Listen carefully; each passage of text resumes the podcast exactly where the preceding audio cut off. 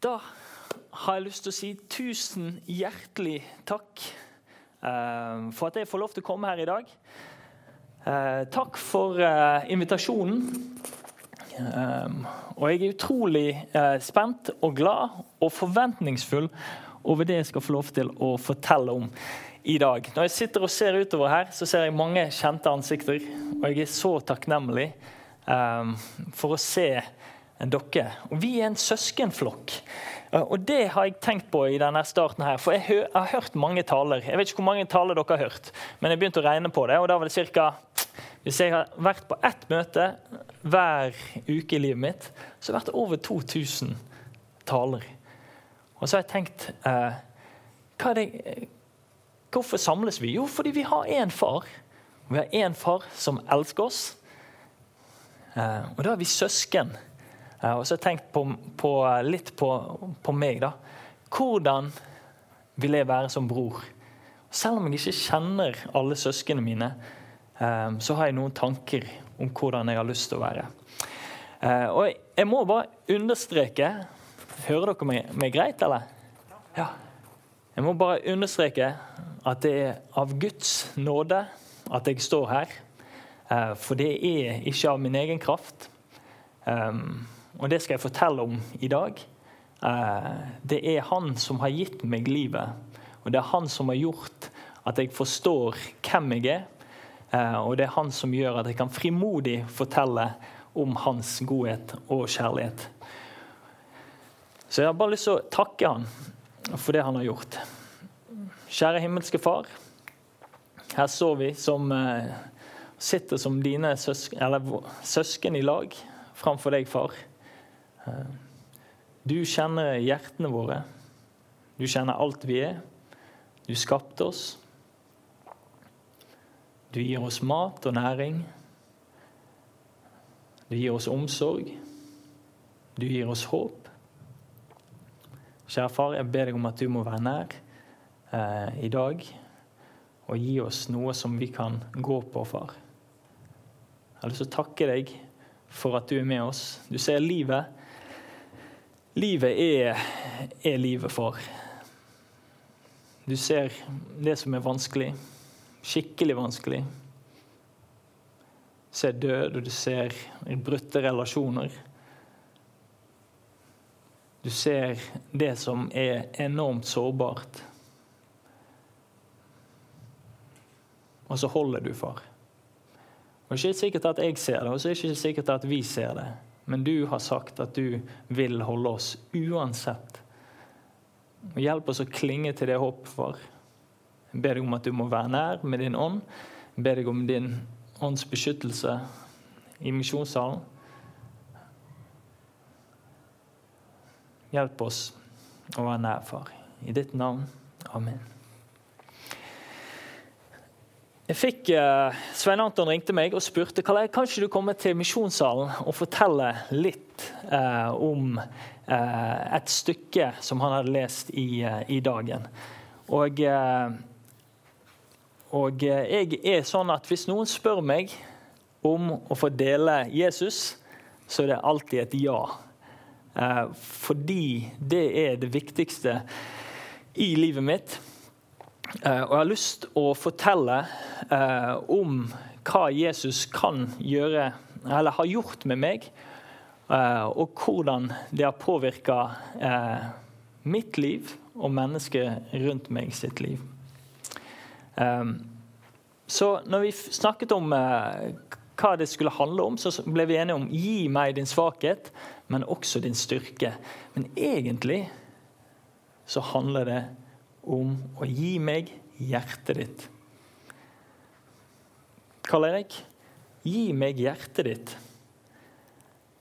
Og det Det er på en måte det beste vi har. Det er det eneste vi har. Eh, og da krever det noe tillit til Du gir ikke bare ut til hvem som helst. Eh, men så har Gud vist meg i livet at han vil bære meg.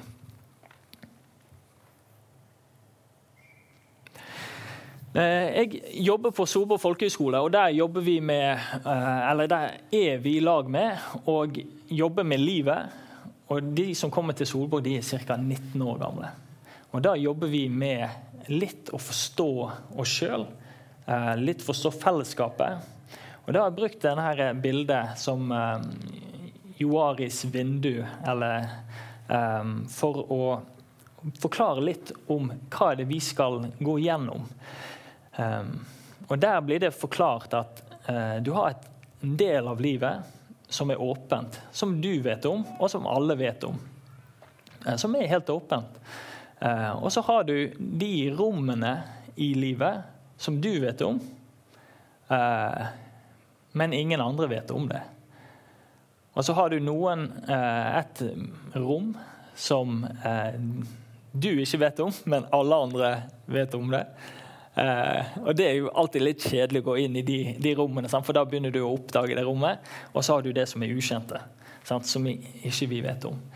Eh, og Det som er godt å få Jesus og Gud inn i bildet, er at når vi sier 'Ja, Jesus, kom inn i hjertet mitt. Vær meg nær', så er alt det skjulte det blir åpenlyst. Fordi Gud, han kjenner oss. Han skapte oss, og han ser alt. Til og med det vi skjuler. Og det syns jeg er utrolig godt å vite. Og så tenker jeg at denne her, eh, boken her, Bibelen, det er en grunnstein, fordi den òg hjelper oss til å se de tingene som vi ikke ser i livet vårt. De der blinde punktene som på en måte er litt ukjent for oss.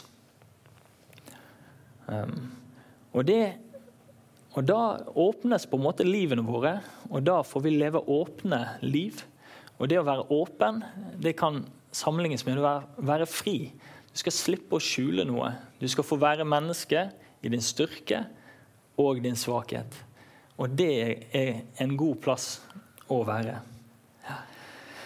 Eh, litt om meg sjøl. Eh, når jeg ble født, så kalte foreldrene mine meg Karl Erik. Jeg vet ikke Det er et helt greit navn, men det var sånn midt på treet, tenker jeg. Men etter hvert så, så, skjønner jeg det at det er et OK navn. Det er helt sånn gjennomsnittlig eh, navn. Foreldrene mine de var misjonærer, og de tok meg ut til Indonesia så fikk jeg lov til å få barndommen min i Indonesia. En enormt spennende mulighet. Jeg ble jo bare med på, på lasset, men jeg fikk oppleve mye. Og Der var en av kallenavnene mine Glereng. Og Glereng det betyr klinkekula. Eh, så kom vi tilbake igjen til Norge. På ungdomsskolen ble jeg kalt for Rocco. Eh, det har jeg aldri helt forstått. Men det var bare noe sånn som, eh, som jeg ble kalt. Og på fotballbanen blir jeg kalt Kalli. Det er fordi Karl Erik er for langt, og det tar for lang tid å få gitt en beskjed. Hvis du sier 'Karl Erik, er du med?' Eh, så er det 'Karl er med', og så fikk jeg ballen. Og så, når jeg er blitt eldre, så har jeg fått lov til å bli kalt pappa. Men det aller beste navnet jeg har, det er barnet mitt. Og hvis du tenker deg eh, identiteten vår. Så, så, når vi blir kjent, så begynner vi å treffe på ytterpunktene våre eh, når vi møtes. Sant? Vi ser hvem hverandre er, vi ser hvor de er. Og så etter hvert så tar vi av på en måte disse skallene. Eh, og da, etter hvert som vi tør å være nære og åpne og ærlige, så begynner vi å åpne på en måte på identiteten min. Og det jeg har funnet ut, er at hvis hvis barnet mitt, hvis jeg som Guds barn, hvis det kan være kjernen i den jeg er, så er det der jeg hører til. Og det er ingenting som kan ta meg vekk fra å være Guds barn. Ingenting. Og det er godt. Jeg ba litt hjelp fra min, eh, min datter, bare sånn at hun kunne være med og bidra i, i hva det vil si Eh, med identitet. Det vil si faktisk å kle av den fasaden som jeg er veldig flink til å dekke meg med. Eh, og på en måte tørre å stå der. Oi, dette var litt mer komplisert enn jeg hadde sett for meg det. Sånn. Tør å stå og være Guds barn. Tørre å være hjelpeløs imot livet. Tørre å være, bare være meg sjøl. I styrke og i svakhet. For i det å være Guds barn, i det å tro at Gud holder meg Så som baby, når jeg ble født, ført frem til dåpen, så har jeg tillit til at Gud møtte meg da. Og når jeg blir gammel og mister alle mine funksjonsevner etter hvert, eh, så kommer han til å kalle meg barnet sitt da òg. Og det er en sann glede for den som tar det til seg i sitt hjerte og skjønner det. Det er det iallfall for meg. Så jeg er en vitne, men ikke bare en vitne. Jeg er en disippel, men ikke bare en disippel. Jeg er Guds barn. Johannes, 1. Johannes 3,1 står det Se hvor stor kjærlighet Faderen har vist oss. At vi skal kalles Guds barn. Og det er vi. Understreker det. Og det er vi. Derfor kjenner, vi ikke, kjenner ikke verden oss, fordi den kjenner ikke ham. Men vi er Guds barn. Jeg har lyst til å ta dere med inn i en fortelling i Bibelen som jeg er veldig glad i, fordi den, den treffer meg på et spesielt vis. Da. Og det er Peter Eh, jeg opplever at den speiler litt fortellingen min. Og Det er Peter som går. Og faktisk så, så, så er teksten Peter går på vannet, men det er egentlig ikke det han går på. Fordi han går på ordet som Jesus sier. Eh, så han kunne bytta ut vannet med luften, han kunne bytta ut det med, med trærne. Men det er ikke så viktig. I Matteus 14, da disiplene fikk se ham, der han gikk på vannet, ble de skrekkslagne. Det er et gjenferd, sa de, og skrek av angst. Men i det samme talte Jesus til dem. Vær ved godt mot. Det er jeg, vær ikke redd. Da sa Peter til han, Herre, er det deg, så si at jeg skal komme til deg på vannet. Kom, sa Jesus. Peter steg ut av båten og gikk på vannet bort til Jesus. Men da han så hvor hardt det blåste, ble han redd. Han begynte å synke og rope, 'Herre, berg meg!' Straks rakte Jesus hånden ut og grep fatt i han og sa, 'Du lite troende, hvorfor tvilte du?' Så steg de opp i båten, og vinden stilnet. Men de som var i båten, tilba han og sa, du er i sannhet Guds sønn.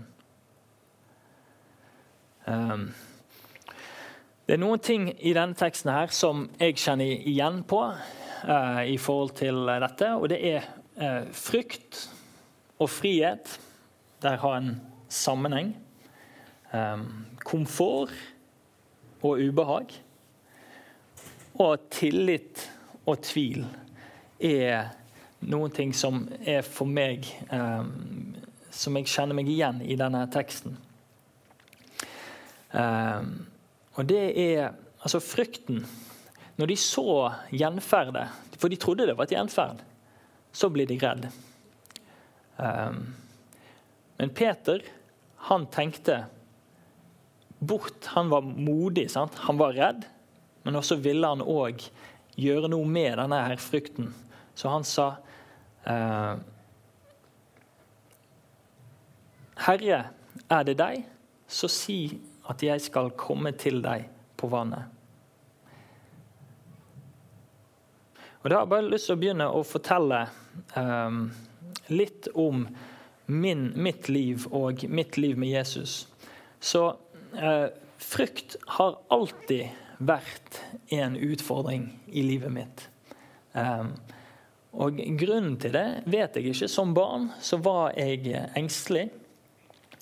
Uh, og det å være engstelig er på en måte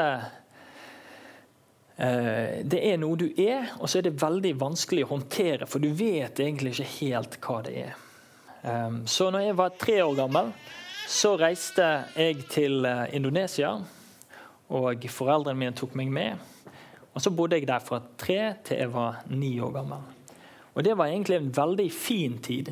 Men det skjedde en del uh, opplevelser der som var veldig vanskelig, og som hadde sammenheng med denne frykten. Uh, så når jeg var seks år gammel, så Hvert år så dro eh, min far og en gjeng med misjonærer ut på feltet for å fortelle om Jesus. Eh, og Da hadde han reist til eh, Kalimantan, som er en, en, svær øy i Indonesia. Og da hadde han sagt eh, i etterkant at han hadde møtt en, en, altså De drev med fe, federdyrkelse og okkultisme i eh, det området. Og da han har sagt at han hadde møtt en av disse medisinmennene som hadde sagt at han hadde all makt i kongeriket Indonesia. Og der han har sagt at nei, det stemmer, stemmer ikke. For jeg tror og jeg kjenner en som heter Jesus, som har all makt i himmel og på jord. Um, og hver gang um, misjonærene eller de som gikk ut for å tale eller fortelle om Jesus, dro, så hendte det at det skjedde eh, ting eh, hjemme og til, i familiene til de som var igjen.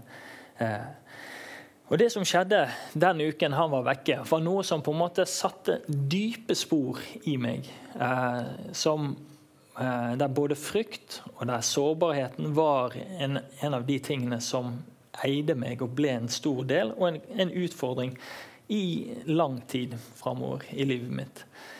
Um, for det som skjedde først, var at uh, det, skjedde tre ting gjennom denne uken uh, han var ute.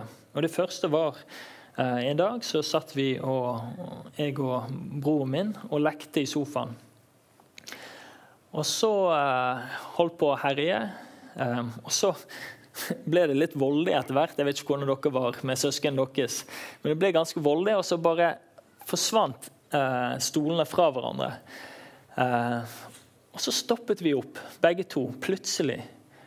Og så så vi der, og så ser vi mellom de to sofaene så var det en flatklemt slange på ca. en halv meter som, som var død. Eh, og, så, og så tenkte vi ikke noe over det. Og så tenkte vi det var rart. Og så sa vi til, til hushjelpen du, du må komme her, se, se, på dette her. Og så tok hun han ut, og så jeg tror de til og med skjærte av hodet, og så heiv de i det søppelet. Eh, noen dager etter dette her så, så eh, ble eh, min mor eh, Hun fikk feber, ble syk. og Så ble jeg syk, og så ble vi frakta til sykehuset. Eh, på sykehuset sa de at de ikke visste helt De vet ikke hva det er, men de ser at vi har høy feber. Og så var vi der i, i en, en, natt, og så uh, ble vi friske, og så kom vi tilbake igjen. Men, og den tredje tingen, og det, det, er den tingen som på en måte har vært, uh, vært den episoden som har vært vanskeligst for meg å forstå i etterkant, men òg har gitt Eh, tillit og tro til, eh, til vår far. Eh, og da satt jeg en dag på, på gulvet i stuen, og så var brødrene mine ute en plass og lekte. Jeg var hjemme alene med mamma, og hun sa hun spurte Karl jeg skal bare ut en tur, og så kommer jeg snart tilbake igjen. Og Der satt jeg og lekte med, med Lego, og så eh, ser jeg plutselig eh, en åndsskikkelse komme svevende eh, utenfor på en måte vinduet. Han er fremdeles ute i, eh, i hagen eller på trappen. Og så kommer han, eh, svever han inn, og han svever gjennom døren. Og det jeg, eh, jeg, jeg ser dette her, og så sier jeg noen ord som på en måte Da vet jeg ikke helt om jeg hadde Jeg var seks år gammel når det skjedde. Og da sa jeg Dalam nama Tuhan Jesus bergila. Det, det indonesiske betyr Jesu navn, vik fra meg.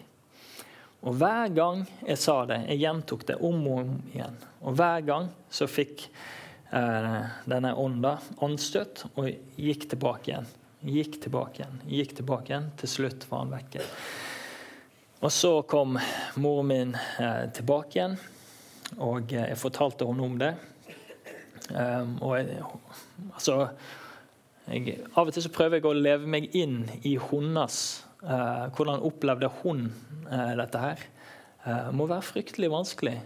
Uh, men samtidig, når jeg ser det i retrospektiv, så ser jeg det at Den hellige ånd er sterkere enn alle onde krefter. Den hellige ånd virker i deg og i meg. Den hellige ånd virker i en seks år gammel gutt eh, som ikke har noe kompetanse, som ikke har noe erfaring med en åndsvern.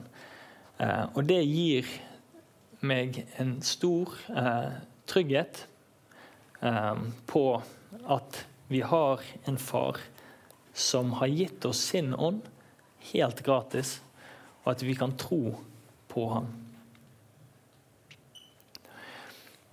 Etter hvert, etter at dette hadde skjedd, så har jeg eh, begynt jeg å tenke OK, så her har vi noe som er um, ut ifra alle lover Så har jeg sett hele livet mitt til nå har jeg sett vanlige, de vanlige lovverkene.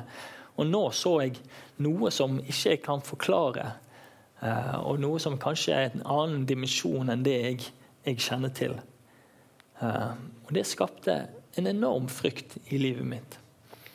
Eh, som hver kveld i møte med mørket så lå jeg i sengen min på rommet Eh, egentlig så gikk jeg Fra leggetid så begynte jeg å grue meg til å legge meg. Men så kom jeg til sengen, og så la jeg meg. Og så var det alltid en bønn som foreldrene mine ba med meg. Kjære Jesus, hjelp meg til å sovne fort, ikke drømme, og sove hele natten. Og komme vekk ifra det, det rommet som jeg ikke har kontroll over på natten. Um, og foreldrene mine de var utrolig kjærlige. Og de sang og de sang og de sang sanger til meg på kvelden. Og der lå jeg. Og etter de hadde gått, så lå jeg under dynen. Og så prøvde jeg å ikke puste, fordi da, bevegde, da var det vanskelig å, å finne meg. Um, så da å være helt stille lærte meg å puste, sånn at ingen kunne høre meg, og ingen kunne se at jeg var til stede. Og sånn levde jeg veldig lenge. Der frykten bare holdt meg. Um, og foreldrene mine ba, ba om at jeg, jeg, måtte glemme dette her. Um, og så i, i tenårene, når jeg ble 16-17, så fortalte de meg om det igjen. For da hadde det vært uh, lenge, og jeg hadde fått glemt det. Eh, og når de fortalte meg om dette igjen, så kom frykten tilbake igjen. Og da, det var da arbeidet begynte med å kunne, kunne jobbe med frykt. Og det har vært gjennom bønn og samtale. Og over tid så har det gitt meg eh, gitt meg styrke og tro. For når jeg etter hvert forstår eh, og tror at Jesus er større enn alle andre makter, så er det ikke noe som binder meg. Sant? Kveldene var jeg bundet. Eh, livredd. Gikk til Jesus. 'Kjære Jesus, hjelp meg.' Men så ga han meg friheten. Ja. Friheten til å tørre å møte det som ikke er synlig eller vanlig. Uh, og da er det ett ord som har fulgt meg gjennom livet, og det er 'frykt ikke, for jeg er med deg'. Se deg ikke engstelig om, for jeg er din Gud. Jeg styrker deg og hjelper deg, og holder deg oppe med min rettferds høyre hånd. Og det er et løfte Det er liksom, ja det er et bibelvers, men det er et løfte. Du kan leve livet ditt på det. Um, og så be om at Gud må hjelpe oss å åpenbare det i livet eh, vårt. Jeg har lyst til å hoppe, hoppe litt uh, videre i livet, for uh, jeg tenker ofte at ting henger ofte sammen. Det er ikke bare, bare sekvensvis. men men også dette her hadde litt å si for meg videre i livet. Eh, samfunnet vårt er utrolig opptatt av prestasjon. Um, og det er en utfordring. Jeg jobber på skole, uh, og de lærerne som jeg jobber med, er det noen de misliker, så er det evaluering og karaktersetting.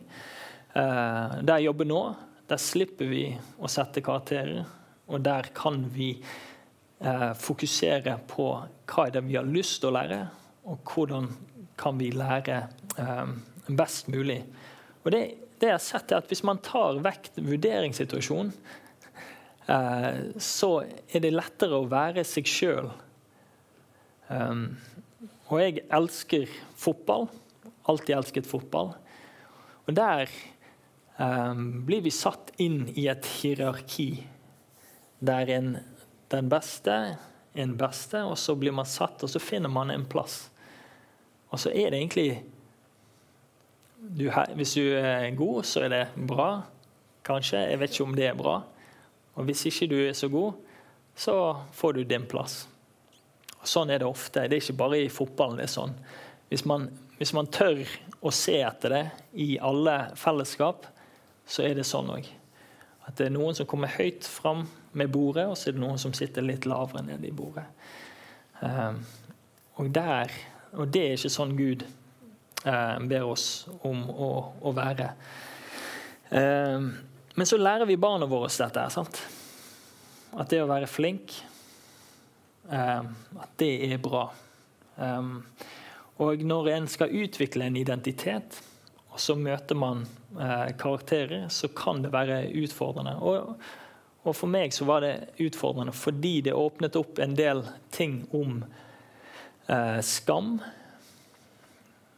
At jeg kommer fra en familie der veldig mange i generasjoner har vært enormt flinke eh, i forhold til fag. Eh, og, og har vært litt sånn aldri uttalt aldri uttalt. Så det har aldri vært sånn at noen har sagt Karl Erik, du er Du er ikke den smarteste, ikke den skarpeste kniven i skuffen. Ja. Uh, men det er sikkert en stemme som har vært der, som har sagt ja, du er ikke så veldig god. Uh, og den, den stemmen der, den er i hvert fall ikke fra Gud. Og i, når jeg begynte på, på, videregående, nei, på universitetet, så, så trivdes jeg med faget, for jeg fikk lov til å studere idrett. Men så var det Det var vanskelig. Det å ha dysleksi, det å på en måte ikke slite med å lese, slite med å skrive. Um, og så skal du begynne med en, en bacheloroppgave. Uh, det var en utfordring for meg. Så det som skjedde, da, var at eh, jeg jobba og jobba, jobba. Fikk hjelp av min far, han, som er utrolig flink med sånne ting. Uh, han, han viste meg enorm omsorg uh, for å hjelpe meg videre. Men så kom det til da jeg skulle levere bacheloroppgaven. Dette var våren 2009. Og så og så, ga, og så, begynte på en måte fristen å nærme seg. Og så så jeg jeg kommer ikke til å klare å levere til fristen. Og det var et enormt nederlag. Så da var det en dag um, jeg, eh, jeg, hadde lønnkammer. Um, og Da satt jeg i stuen. Mariann hun var, hun var vekke. og da begynte jeg, Så satt jeg i sofaen og så leste jeg litt i, i uh, Bibelen. Jeg vet ikke hvordan dere har det når dere har uh, lønnkammer, når dere er alene med Gud. Men jeg har en tendens til å bli litt sånn trøtt. Så da begynte jeg liksom å lene meg litt bakover. Og så Dette var i ungdommen, da. men jeg er fremdeles mye trøtt. Og så uh, lente jeg meg bakover, og så etter hvert så glir jeg liksom ned på gulvet. Uh, og så ligger man på en måte der, og ja, kanskje jeg kan be litt nå. Og så lå jeg der, og så sovna jeg.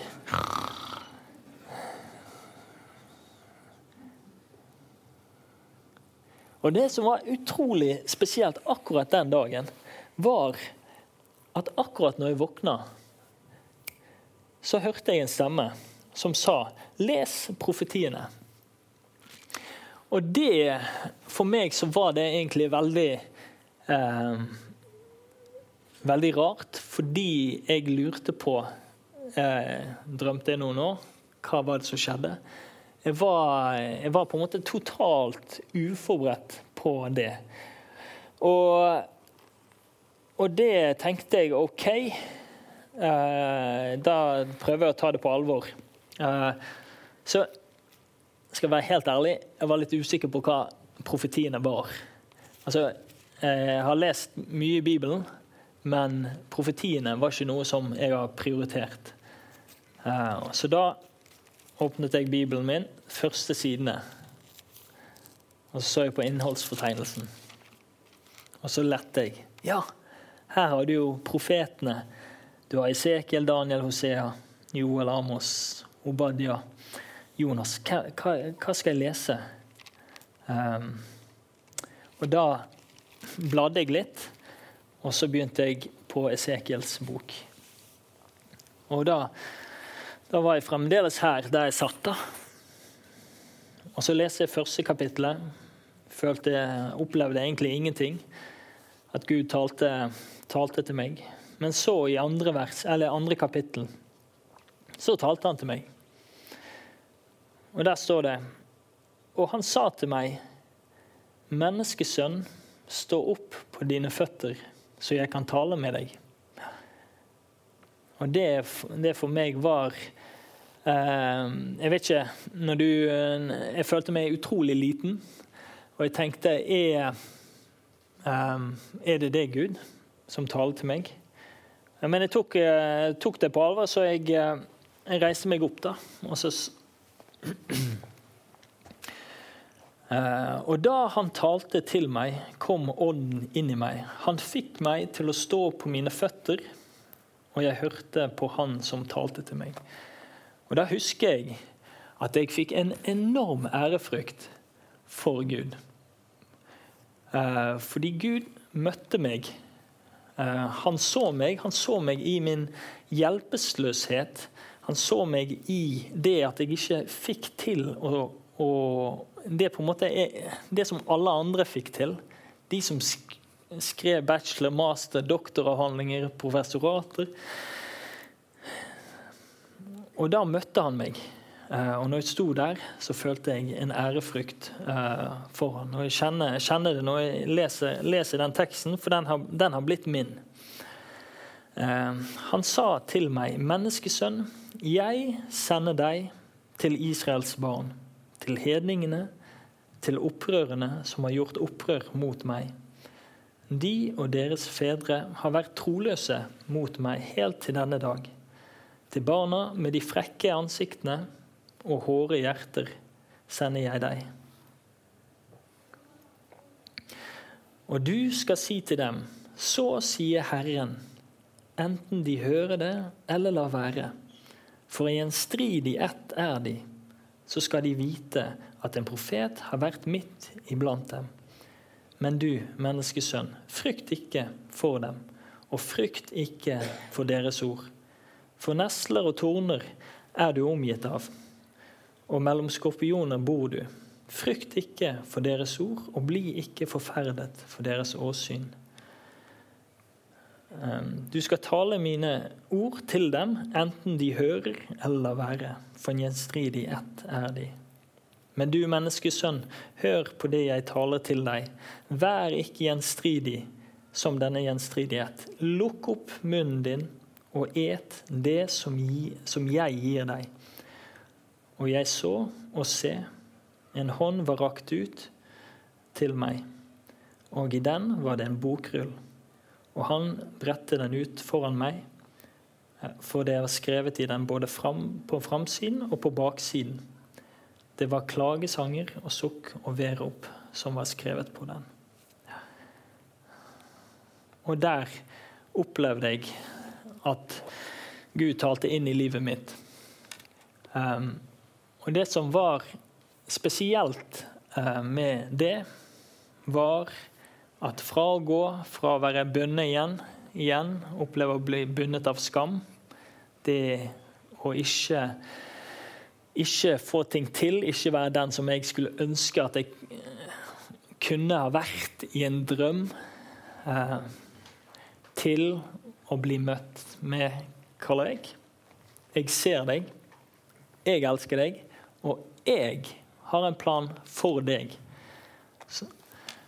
Og det å vite at Gud har en plan for meg, og Gud har en plan for deg, det gjør at en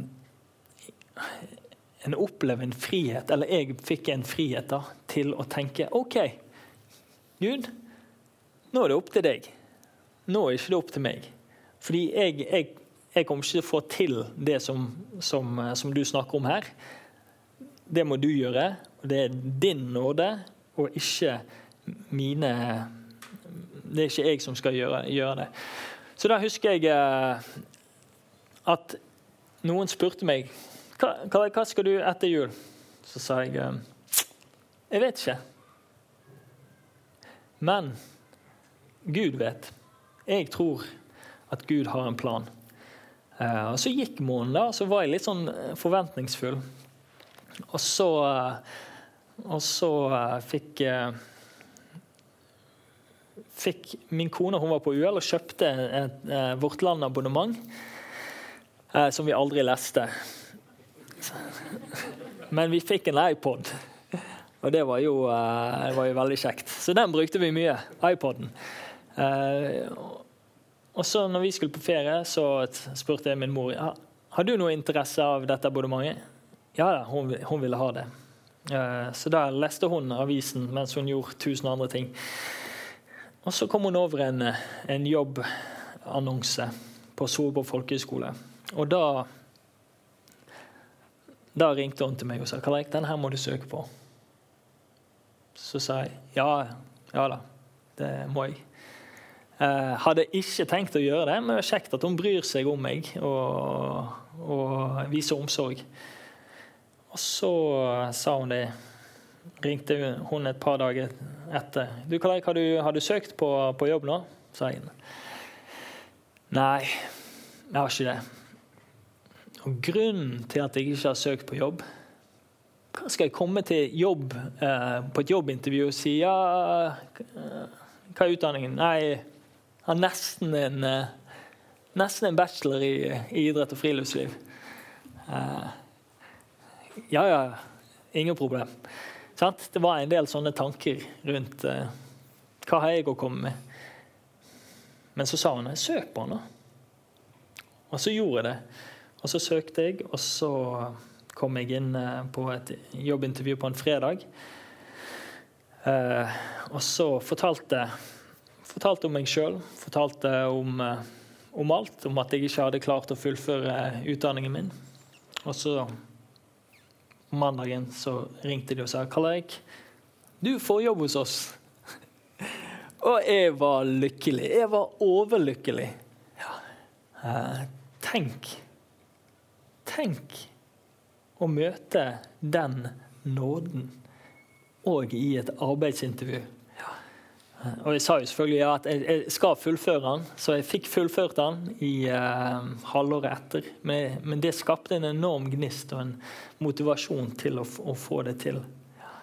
Um, og så har jeg vært der i 15 år. Og jeg bare vil si det Og dette blir litt emosjonelt for meg. Men det er så mange unge mennesker i Norge i dag som trenger deg. Det er så mange unge mennesker som tror at de ikke er verdt noe, og som har enorme utfordringer når det kommer til eh, angst, og når det kommer til selvbilde, når det kommer til kroppspress, eh, så, er, så har vi en generasjon som, som er fanget, og som går med hendene bundet bak ryggen. Og det er utrolig, uh, utrolig vondt å se. Men det som er bra når vi vet dette her, er at det er håp. Og det er Jesus som er håpet vårt, og det er han som setter mennesker fri. Um, og det jeg har fått oppleve, det å se mennesker som blir satt fri uh, ifra disse tingene. Um, senest i forrige uke så hadde vi et møte, uh, og der hadde vi samtalegruppe. Uh, og Ofte så jobber vi med min livsfortelling. altså hvilke lapper er det, er det, folk rundt deg har klistra på deg? Um, og Da var det ei jente som sa at hele livet så har jeg blitt, blitt stempla av mor mi. For hun mener at jeg er litt for stor. Eller at det var eh, noe som på en måte følelser enormt vanskelig. Og det å kunne snakke åpent om ting som er sårbare. Terskelen er like høyt for å snakke om det som smerten er kanskje for å snakke om det. Og Det er derfor det er vanskelig å snakke om. Eh, men det å kunne snakke om livet, snakke om troen og snakke om hva Jesus eh, ønsker for oss, ehm, det er noe som er utrolig viktig for Jesus og utrolig viktig for meg. Um, men det krever mot for å gjøre det.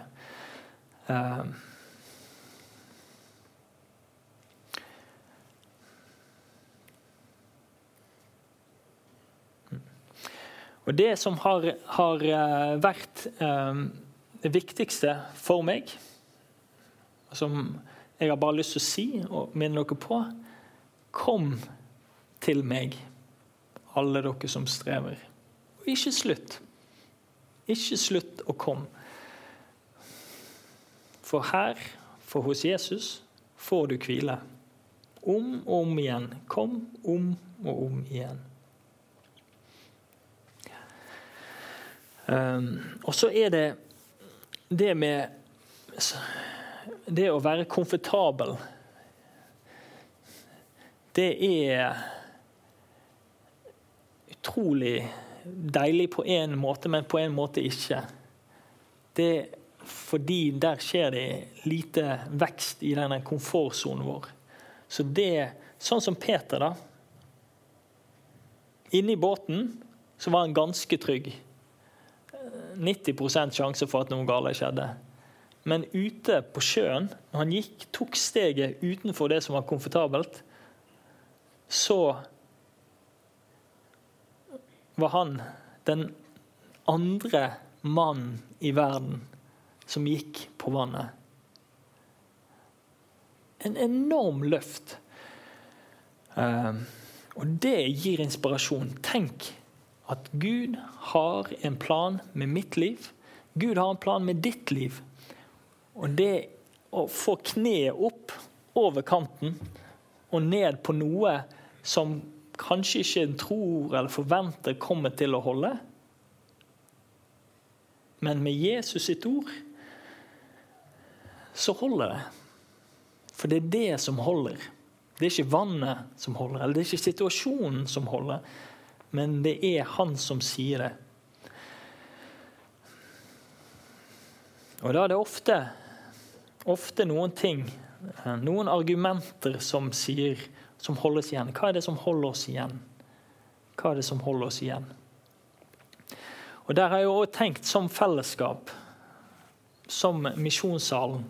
Så hvilket fellesskap hvilket, i den kristne kirken, hvilket fellesskap skal vi ha? Um, og der Jesus han sier at vi skal frigjøres, altså han frigjør oss, og vi kan være med på å frigjøre hverandre. Det å støtte hverandre i det som er vanskelig. Men òg være med på å utfordre hverandre til å ta steg i tro. Ehm, for hvis ikke jeg kjenner det litt på meg sjøl òg, for dette lever i oss som enkeltindivider, som gruppe, fellesskap.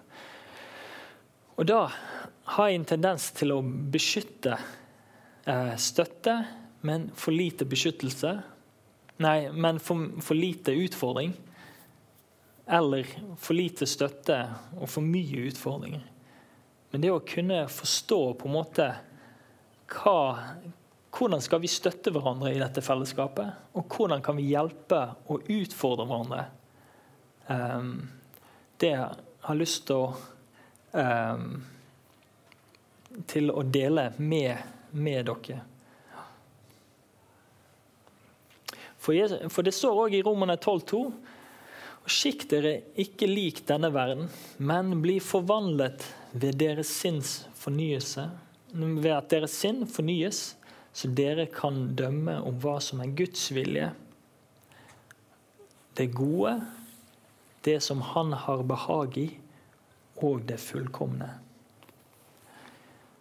Og Jeg har to skinnbøker her i dag. Eh, og For meg så blir det et veldig tydelig bilde for meg på hva det er som er viktig. For i hjertet vårt så var det akkurat sånn som tempelet. Tempelet hadde en forgård. Og så er det inni tempelet og det aller helligste. Eh, og det var noen som hadde tatt inn handel. sant? Kanskje aksjehandel, eller kanskje noe sånn inn i tempelet. Og så var det noe annet som skulle ha den plassen. Det er egentlig bare en, det, det er bare én plass, og det er bare én form som passer i den plassen der. Jeg har prøvd å ha mange ting i den plassen. Jeg har hatt prestasjon. Eh, jeg har hatt relasjoner. Sant? Så lenge den personen er glad, så eh, Jeg gjør alt jeg kan for at den personen skal ha det bra. Eh, men så, så blir det ustabilt. Men det eneste som som det er plass til, er Guds ord og Jesus. Og så ser jeg på skjermtiden, og så ser jeg på lesetiden. Hvordan veier den? For å være helt ærlig så er det ganske stor forskjell ja, i mitt liv. Ja. Og det er, det, er, det er, jo kjipt å stå her og si det, men samtidig så gir det kanskje meg et litt håp og et sånn tydelig bilde på um, at det er dette som gir liv på innpust og på utpust. At vi kan ta det inn til oss, og at vi kan gi det videre til de som er rundt oss. Så jeg har lyst til å si til slutt Og egentlig er det en bønn. Kjære, kjære Jesus, hjelp oss å elske deg. Kjære Jesus, hjelp oss å elske oss sjøl. Og kjære Jesus, hjelp oss å elske hverandre. Takk for at du er god. Takk for at du elsker oss. Takk for at vi kan få være søsken som støtter hverandre og utfordrer hverandre. Så ser jeg og ber deg for denne verden. Du ser all ondskapen, men du er lyset. Du er håpet, og du er mye større enn mørket. Kjære Jesus, gi oss tro, gi oss håp, gi oss kjærlighet, sånn at det gode kan overvinne det vonde, som det gjorde på korset når du døde. Takk far, for at det er allerede gjort, og at vi kan få fortelle om det. I Jesu navn. Amen.